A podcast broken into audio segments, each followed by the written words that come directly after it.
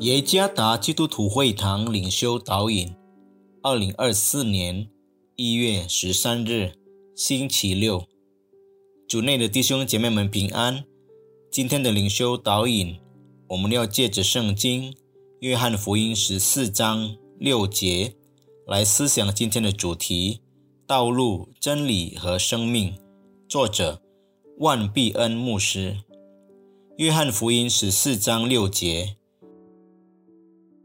耶稣说：“我就是道路、真理、生命。若不借着我，没有人能到父那里。”二零二三年九月中旬，我和生母到万隆的纳纳罗哈纳殡仪馆吊唁。和往常一样，我们会使用全球定位系统作为道路导航指南，以利我们的路程。从雅加达，我们使用市内高速公路，再继续往吉冈贝高速公路的途径。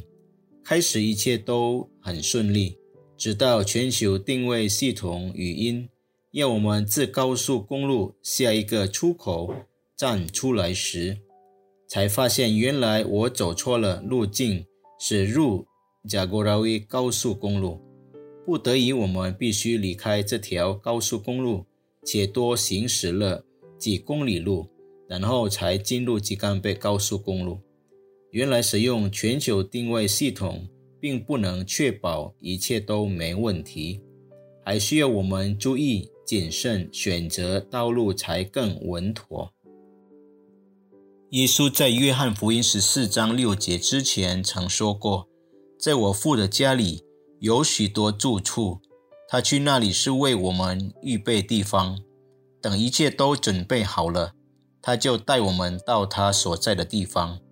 耶稣的话非常清楚，从来没有人能够凭自己的方法可以到天父的家，因为上帝没有预备别的道路，唯有耶稣就是那条道路。Agnes Mo 曾经唱过一首歌，歌词是：有没有通往天堂的梯子，让我能。找着就能和你在一起。可惜的是，通往天堂的梯子真的没有。这就是为什么唯有耶稣能够带我们到那里去。为什么只有耶稣能做到呢？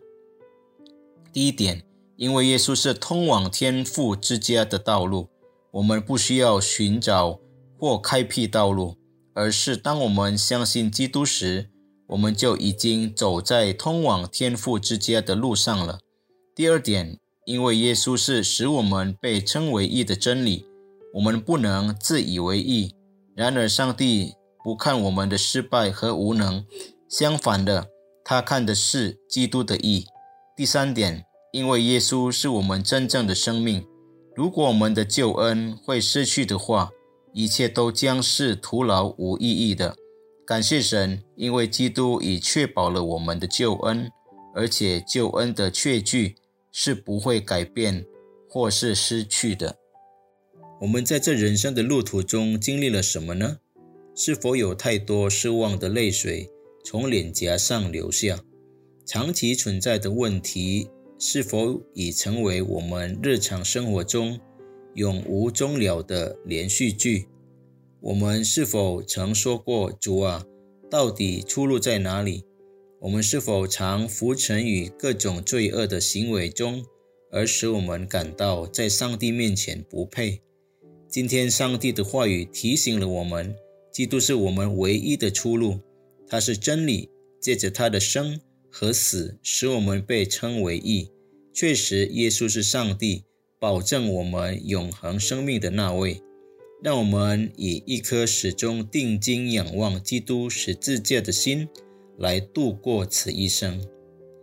即使人生的路途充满挑战，仍要持守感恩和热情的心，因为在路的尽头有天父的家等在那里。